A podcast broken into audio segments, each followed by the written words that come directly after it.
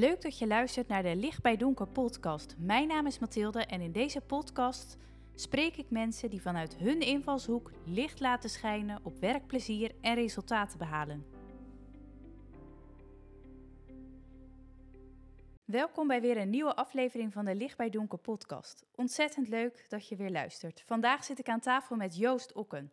Hij is organisatieadviseur en komt vanuit die rol in heel veel organisaties. En een van zijn specialiteiten is ook uh, met leiders nadenken over hun leiderschap. En we gaan het vandaag met elkaar hebben over de uitdaging, uitdagingen van leiderschap. En ook hoe jij nou bepaalt hoe je het beste invulling kunt geven aan je leiderschapsrol. En hoe zet je een team en organisatie in zijn kracht. Daarnaast komen er natuurlijk allemaal uitdagingen vanuit de organisatie en vanuit het team uh, jouw kant op als leider. En hoe verhoud je je daartoe? En hoe zorg je dat je, ja, zowel jij als je team uh, daarin vitaal blijven? Welkom uh, in deze podcast, Joost. Dank je, Mathilde. Nou, ik ben wel eens benieuwd, wat zie jij uh, gebeuren in leiderschapsland over hoe mensen hun leiderschapsrol op zich nemen? Dat, dat zie je heel verschillend. Um, eigenlijk valt er heel veel te kiezen op het gebied van leiderschap. Als ik zelf uh, eens wat dingen opsom, kom ik aan heel snel minimaal 15 wat ik noem leiderschapsparadigma's. Oftewel leiderschapsmodellen met een kop en een staart. Met een consistente manier van kijken naar leiderschap en denken over leiderschap. En handelen vanuit die denkwijze. Maar als je echt gaat kijken, dan zijn er ontelbare manieren om met leiderschap bezig te zijn. En dat vind ik ook zo fascinerend aan het onderwerp, um, want je bent het nooit klaar met het begrijpen en het in kaart brengen van wat er gebeurt. Uh, er komen heel veel verschillende kanten in, uh, in voor. De persoonlijke kant van de, degene die zichzelf leider noemt. Maar ook de collectieve kant van leiderschap, zeg maar, als een soort van uitkomst voor een team of voor een afdeling of voor een hele organisatie. En dat zijn kanten die uh, deels elkaar versterken, maar soms ook elkaar beconcurreren. In ieder geval uh, in de aandacht. Ja, dus je zegt eigenlijk van uh, je kan kijken naar leiderschap als uh, resultaat of, of als uitkomst. Correct. Maar ook heel erg uitgaan van de rol van leider. Kun je ons meenemen in wat is daar het verschil tussen? Ja, ik denk als je bij de meeste organisaties gaat vragen van uh, wat vind je van leiderschap, dat de meeste managers dat zullen duiden vanuit uh, ja, dat ben ik. Of dat is uh, mijn baas. Dus die kijken van nature sterk vanuit de persoon. ik denk dat dat ook een beetje de, een deel van de apenrots uh, in ons uh, is, die maakt dat we zo spreken. Want manager genoemd worden betekent dat je jezelf ook als leider neerzet. Dat is grotendeels aangeleerd gedrag.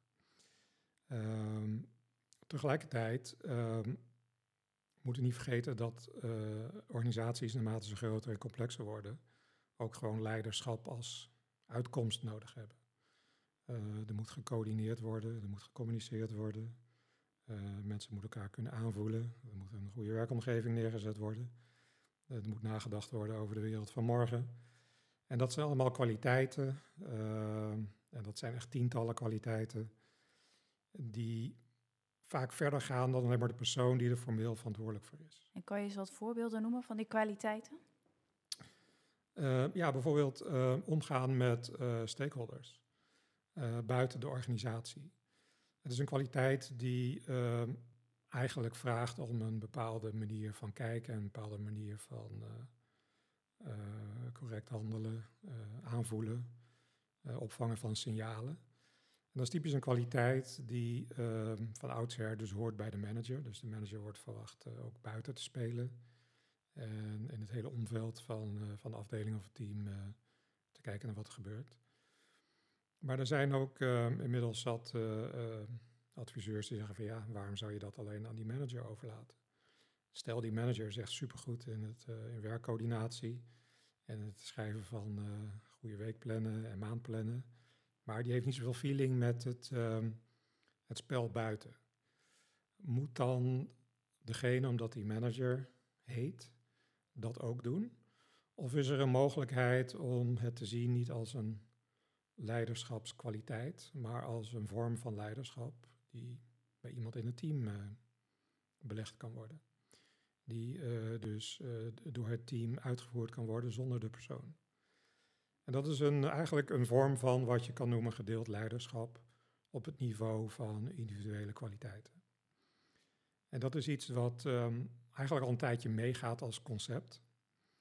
Uh, ik denk wel een jaar of veertig. Maar interessant genoeg, in de praktijk zie je het weinig en ook weinig uh, discussie binnen organisaties om op die manier te kijken naar wie doet wat. En wat is jouw verklaring daarvoor dat je het, uh, dat je het in de praktijk weinig ziet? Nou ja, toch wel dat um, wij vooral leiderschapskwaliteiten van elkaar kopiëren. Dus stel, ik, uh, ik zit al ergens een tijdje, uh, ik zit aan het, uh, aan het eind van mijn, van mijn loonschaal. De organisatie vindt dat ik waardevol ben en die willen graag dat ik blijf. Ehm, en die bieden me dan maar een teamleidersfunctie aan. Want dat is de meest voorkomende manier om mensen binnen te houden van waarde.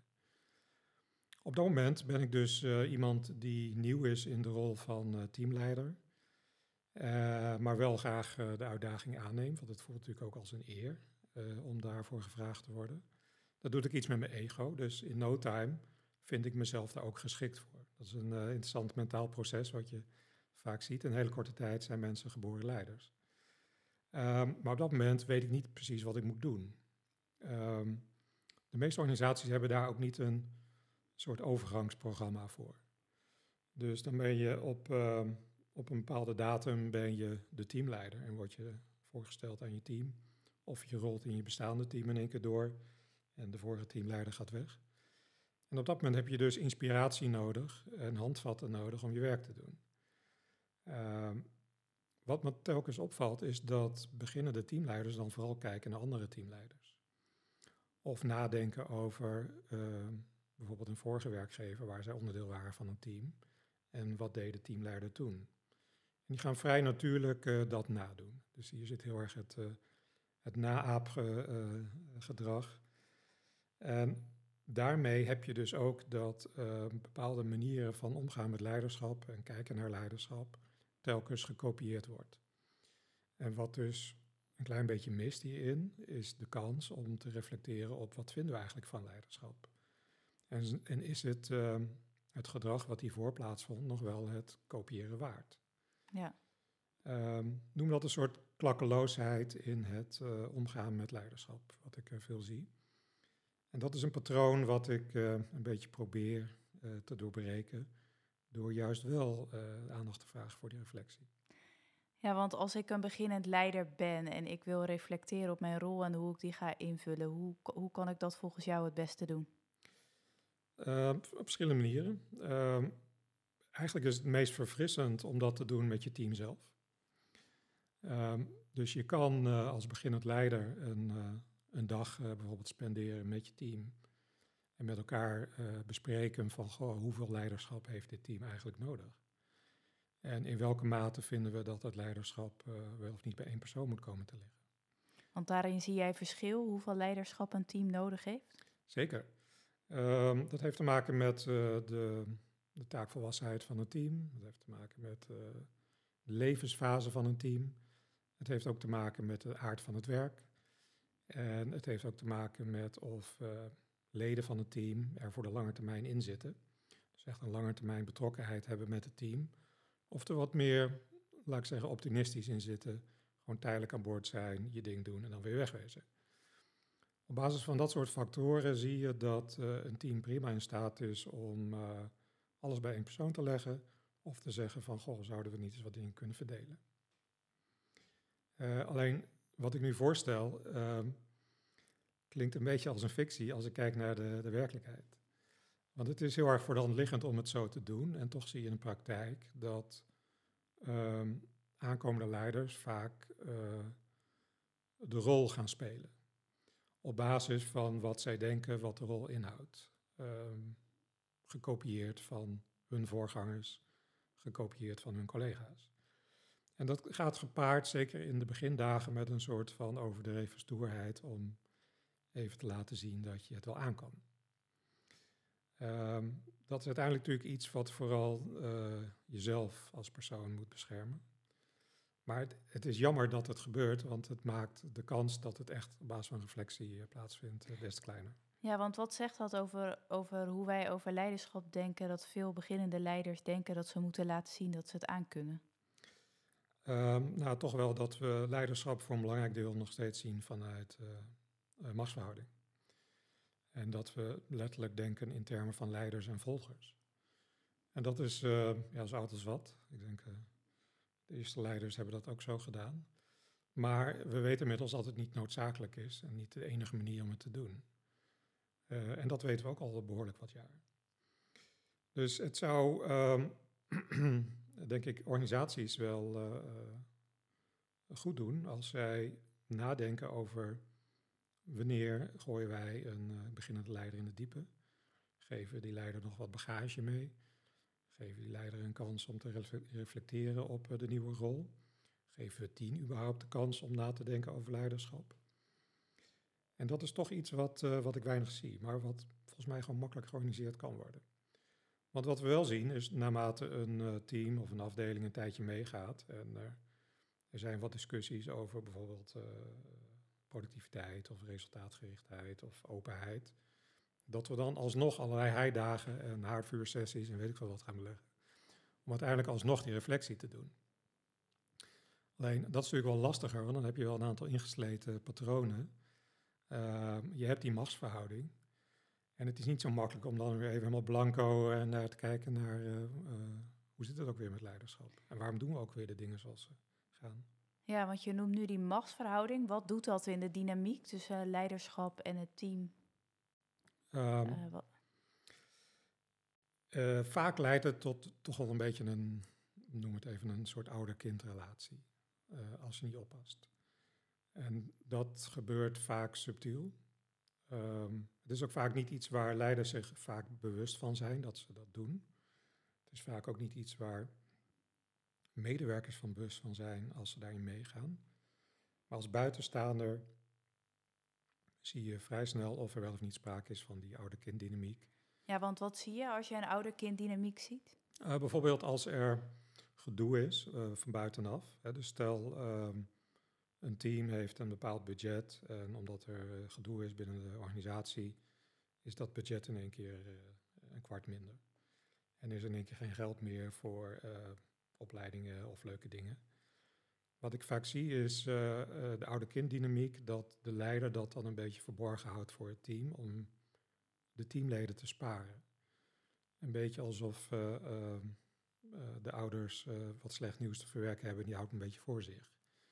En die proberen dat toch te doseren aan, aan de medewerkers als kinderen. En wat is daar het gevolg van? Um, het gevolg van is dat je niet gebruik maakt van de denkkracht en de doelkracht van je team om met problemen om te gaan. En dat betekent dat de leider er letterlijk alleen voor staat. Dus de leider wordt dan ook een beetje een, uh, een leider met een lange ei. Want die uh, leidt onder de uitdagingen die die solo moet verwerken. Uh, enerzijds om zeg maar, te voldoen aan de verwachtingen op het hogere echelon. En anderzijds om de eigen teamleden aan boord te houden. En dat is een dilemma waar heel veel uh, teamleiders vroeg of later inkomen. En die komen in een soort uh, squeeze terecht van uh, organisatiebelang versus teambelang. Of op hetzelfde niveau zie je dat bij afdelingen. Afdelingsbelang versus organisatiebelang. En het is, een, het is een reflex, maar het is ook een reflex als gevolg van ehm, die machtsverhouding die gecreëerd is, inclusief die afstand, wat maakt dat de leider uh, het solo moet oplossen. Kijk, als er niks aan de hand is en uh, er is een stukje comfort binnen het team, iedereen zit lekker in een rol, kan je dit heel lang volhouden. Maar op het moment dat uh, dat comfort verstoord wordt, omdat er bijvoorbeeld geen geld meer is of uh, de opdrachten drogen een beetje op en er ontstaat gedoe, dan zie je het verschil tussen de leiders die wel geïnvesteerd hebben in gezamenlijk met het team uh, onderwerpen bespreken en uh, problemen oplossen. En de leiders die aangeleerd hebben om het vooral solo te moeten doen. Want die denken, ja, daar ben ik voor. Daar word ik voor betaald. En dat moet ik vooral ook helemaal zelf doen. Ja, en wat is het resultaat van, van, van uh, die manier van leiding geven? Dus uh, of je het solo doet of samen? Nou ja, toch wel de, dat um, ja, je zou kunnen zeggen dat de intelligentie van het team dan een stuk lager is dan noodzakelijk. Uh, en met name de intelligentie om om te gaan met problemen en daar creatieve oplossingen voor te vinden. Dat is één. En het tweede is dat het je team toch passief maakt.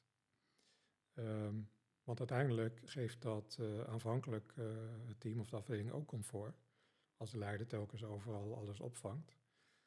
Maar uh, die passiviteit heeft natuurlijk wel een prijs. Want uiteindelijk is het dus afhankelijk van of de leider wel of niet met zijn eigen kwaliteiten genoeg uitkomt.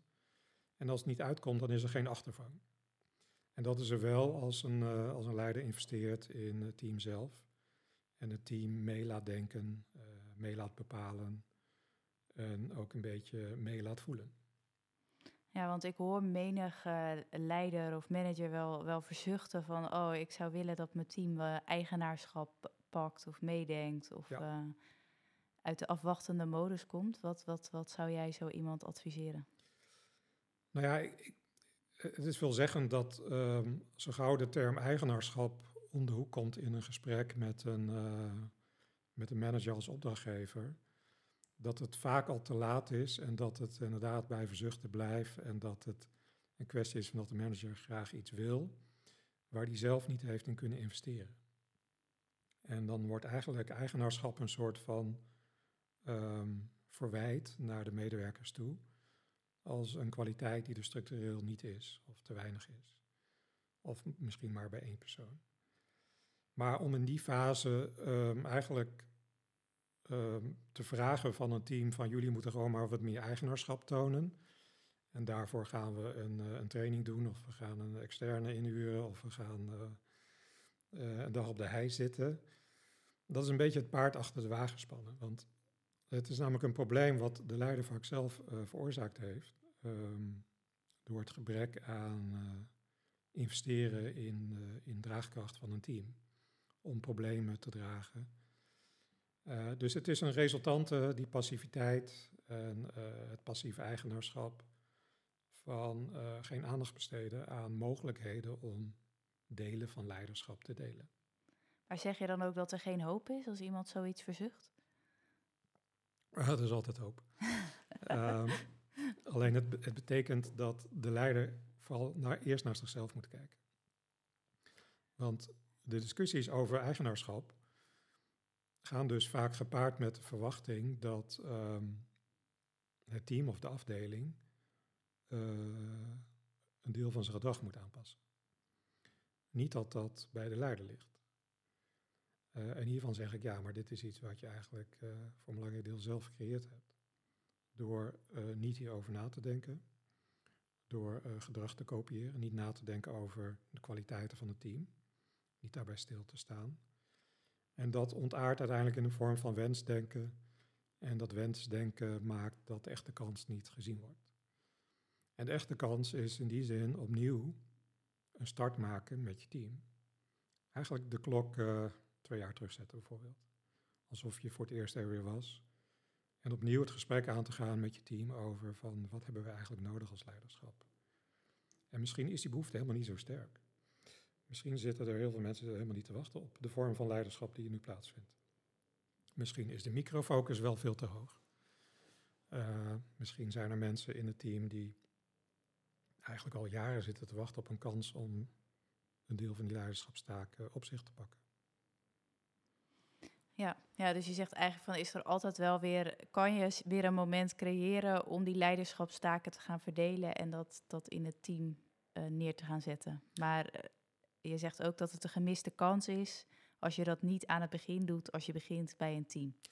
Ja, omdat het uh, uh, veel moeilijker is, ook als een leider, om mentaal die knop om te zetten. Een frisse start klinkt altijd heel mooi en kijk, fundamenteel geloof ik daarin. Uh, dus elk team is in die zin vrij om zichzelf opnieuw uit te vinden. Op welk moment dan ook, ook in stressvolle situaties. Maar de ervaring is natuurlijk anders, dat het nooit, het komt nooit uit. Uh, de show must go on. eh, en naarmate je gewend raakt aan een bepaalde stijl, is het ook moeilijker om dat weer af te leren. Ehm, fundamenteel, altijd kan je dit doen. Elk team, elke fase.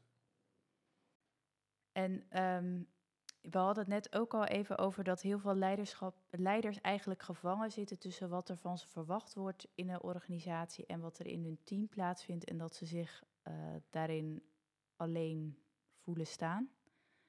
Ehm, en wat ik ook nog wel eens zie gebeuren is, is, is dat leiders zich helemaal eh een slag in de ronde werken om alles bol te werken. Eh, gerust in het weekend of 's avonds doorgaan. Ehm, wat, wat zie jij daarin gebeuren? Ja, ik zie hetzelfde. Ehm, ik, eh, laatste keer heb- ik een, een groep van 26 eh, managers hierop bevraagd. En 22 van de 26 gaf aan eigenlijk niet uit te komen met eh, de avond en de weekend en de vakanties. En dus geen langdurige balans kunnen vinden tussen eh, het eh, omgaan met wat de organisatie vraagt versus wat, wat het team of de afdeling vraagt. En die onbalans die heeft een nogal hoge prijs. Maar dat is een prijs die ligt in de toekomst.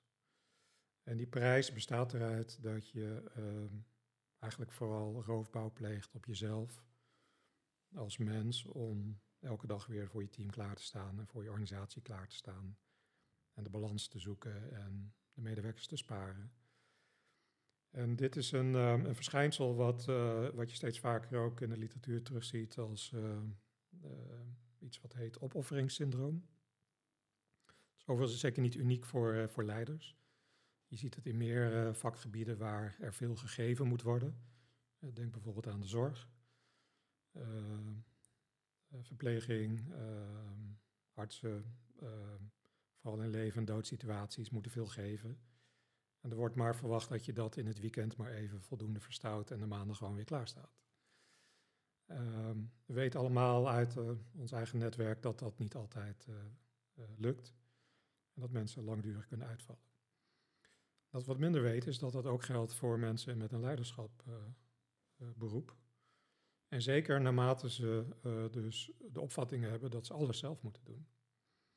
Want dat is eh, eh, onderdeel van de rolopvatting. Dus dan kan je ook eh, je dilemma's, bijvoorbeeld eh, de organisatie wil eh, kosten besparen en tegelijkertijd wil je investeren in je team. Dat heb je ook het team beloofd. Nou, dat is een klassiek dilemma. Hoe ga je daarmee om? Ga je dat proberen zelf op te lossen? Ga je ervan uit dat als je er nog eens een keer een zondagnacht over nadenkt, dat je dan wel de oplossing vindt? Ehm, als je daar telkens eh, in terechtkomt in die situatie, dan is de kans op wat ik dus noem opofferingssyndroom en dat je eigenlijk vrij snel richting eh, burn-out verschijnselen gaat eh, op een gegeven moment. Een stuk groter dan als je dus aangeleerd hebt met je team om dit soort gesprekken te voeren over dilemma's. En daarmee dus ook een klein beetje gedeeld leiderschap eh, toepast. Nog gunstiger uiteraard is als je überhaupt eh, gewend bent om dit soort eh, zaken met je team te delen. Bijvoorbeeld omdat het team sowieso ook met de organisatie in gesprek is over ontwikkelingen.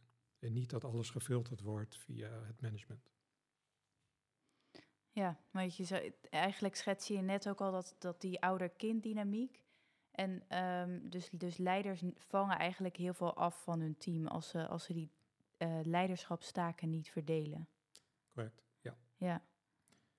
En wat is daarvoor nodig om, om daar een, een verandering in aan te brengen? Ik denk als je kijkt op het niveau van organisaties, is het vooral ehm, rolmodellen.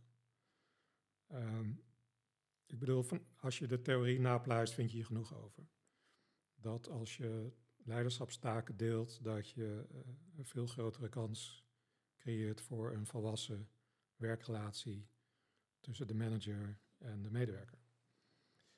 Alleen als er letterlijk niemand binnen je organisatie het voorbeeld neemt, en jij bent een beginnend leider, is de kans niet zo groot dat je dat tegen de stroom in gaat doen. En dat je gaat zeggen, ja, nou, ik heb daar een boekje over gelezen en ik ga dat eens een keertje uitproberen. In die zin zie je ook wel dat uh, aankomende leiders uh, uh, ook wel een beetje ontzag hebben voor hun rol. En daar misschien ook niet altijd mentaal voor klaargestoomd zijn. Maar dat heeft dus veel te maken met wat ik eerder zei. Veel leiders rollen in hun, in hun functie omdat ze op basis van hun loyaliteit geselecteerd zijn. Niet op basis van hun kwaliteit als leider of hun ervaring als leider, want die hadden ze nog niet. En op dat moment moet je heel erg stevig in je schoenen staan, wil je zeggen, weet je wat, ik ga alles anders doen dan deze organisatie tot nu toe doet. Dus wie is de eerste die het anders doet? dat maakt het lastig. Dus dit is ook niet iets wat je op het niveau van individuele leiders, zeker niet teamleiders, start. Dus wil je dit veranderen, dan moet je het willen adresseren op het niveau van de organisatie. En het ook zien vanuit het belang van de ontwikkeling van de organisatie. En daar gelden weer dezelfde eh, factoren als waar ik net over had. dus dan moet uh, bijvoorbeeld gedeeld leiderschap heel erg waardevol zijn voor je organisatie. Ehm, dat moet passen bij het soort werk, dat moet passen bij de dynamiek van het werk, dat moet passen bij een stukje van de cultuur. Ehm, maar ook hier zie je dat te weinig organisaties vanuit het hoger management uh, ruimte creëren voor dit soort discussies. En daar vindt uh, helaas ook iets te veel klakkeloosheid plaats van, uh, ja, we doen het zoals we het altijd doen. En natuurlijk, iedereen moet gelijk uh, vanaf dag één leider zijn. En ja, je krijgt wat tijd voor wat opleidingen. Je 90 dagen. Je 90 dagen. Je krijgt misschien een coach als je er wat, wat langer voor ja. nodig hebt. Maar dan sta je al toch al 5-0 achter voordat je de wedstrijd begint. En dat is helemaal niet nodig. Nee, en wat, ik, wat mij ook wel triggert in wat je net vertelde, is enerzijds dus met dat opofferingssyndroom, dat, dat, dat je de prijs later betaalt, maar ook dat investeren in leiderschap, dat, dat resultaat zie je ook pas later terug. Ja. En um, ja, mijn vraag daarbij is eigenlijk van, ja, hoe kun je dan toch in het hier en nu daar prioriteit aan geven? Um, nou, wat bijvoorbeeld helpt is dat um, leiders onderling vaker met elkaar praten over het vak. Dus um, in veel vakgebieden vindt iets plaats als uh, intervisie. En zeker als dat wat uh, diepgaander is, betekent dat dat je echt even tot elkaar komt en kansen creëert om echt van elkaar te leren. Niet zozeer in hoe je tot specifieke vakinhoudelijke oplossingen komt, maar meer hoe je in je rol kan blijven bewegen. Um, ik ken heel erg weinig organisaties die intervisie doen uh, op de managementlaag. Uh, misschien omdat dat weer aanvoelt als nog weer een, uh, een, een, paar uur per week of per maand, uh, nog weer een taak erbij. Maar het heeft volgens mij ook te maken met dat er sowieso weinig gesproken wordt over wat doet eigenlijk zo'n rol met je en hoe ga jij daarmee om. Dus het leren van elkaar, ook wat dieper, vindt er weinig plaats. En dat is iets wat je eigenlijk elk moment kan starten. Um, je hoeft geen formele intervisie in organisatie te hebben om eigenlijk iets op dat niveau te doen met je collega van een ander team. Um, het bespreken van dilemma's, hè, zoals die squeeze tussen het organisatiebelang en het teambelang. Vroeger of later zit elke teamleider, komt terecht. Dus er zijn uh, talloze hiervoor geweest. En sommigen hebben daar uh, fatsoenlijk mee omgegaan, sommigen hebben daar een team bij betrokken. Maar het feit dat je heel veel keuzes hebt, uh, het feit dat je daarop kan reflecteren, dat is het belangrijkste wat je vandaag kan starten, zonder dat je zeg maar, met een organisatie naar een heel ander leiderschapsprogramma gaat. Natuurlijk, dat kan ook. Maar daar moet eerst de organisatie een soort punt in hebben bereikt van bewustzijn. Ja, mooi. Nou, eigenlijk doe jij een pleidooi van reflecteer op uh, welke leiderschapsstijl past bij de situatie waar je in zit. Blijf daar ook op reflecteren. Zoek elkaar daarin ook op en, en denk daar als organisatie ook over na van welke, uh, welk leiderschap is er nodig. En uh, zorg dat je jezelf niet opbrandt in het opofferingssyndroom. Correct. Ja, ja. Je hoeft niet de held te zijn om, om een leider te zijn. Uh, en het helpt om leiderschap te zien als iets wat je kan delen. Nou, heel mooi. Dankjewel voor het delen van je inzichten, Joost. Graag gedaan, Mathilde. Dankjewel voor het luisteren naar deze aflevering. Wil je meer mensen mee laten genieten? Deel de podcast en geef sterren. Als je meer wilt weten over een plezierige werkomgeving en resultaten behalen, kijk dan op www.lichtbijdonker.nl. Daar verschijnen regelmatig nieuwe blogs. Tot de volgende aflevering.